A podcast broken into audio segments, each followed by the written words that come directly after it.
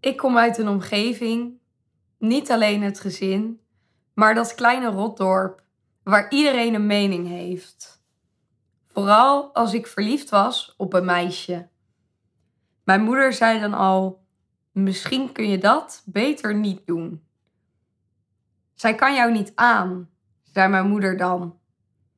Ze probeerde op een subtiele manier te zeggen: Jij hebt gewoon een vent nodig. Ik voelde me daardoor wel echt geremd.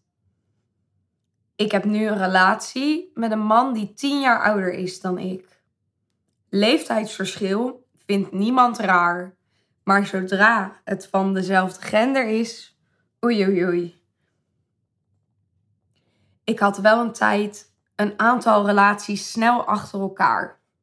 De mensen gaven toen wel aan van Simone, beetje dimmen. Dingen gaan bij mij niet als bij gewone mensen. Dat zie je pas als je heel dicht bij mij komt. Meestal zeg ik gewoon dat ik een autist ben. Maar ik heb ook ADHD, PTSS en een depressie. Het is de combinatie. Al die dingen doen wat met elkaar. Maar je ziet het niet aan mij. Ik weet niet wat dat is, maar elke man die ik ken wordt meteen verliefd op mij. Maar ik ben niet de makkelijkste. Je hebt echt een hele lange adem nodig met mij. Ik heb bijvoorbeeld veel last van mijn hormonen.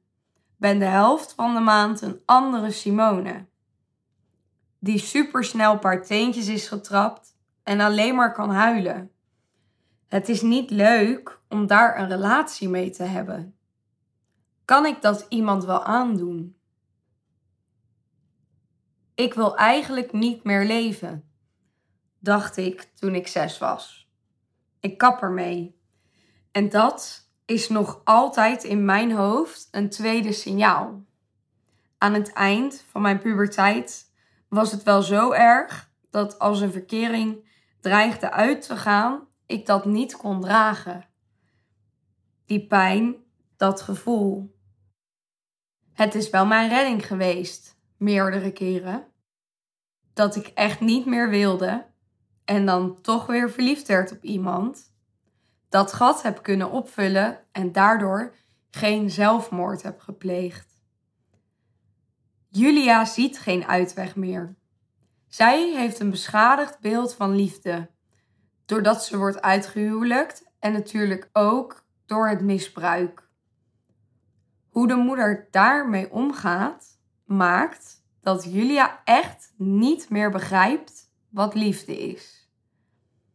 Maar het triggert geen slechte herinneringen bij mij. Dat ik die rol en die emoties mag spelen, is juist heel bevrijdend.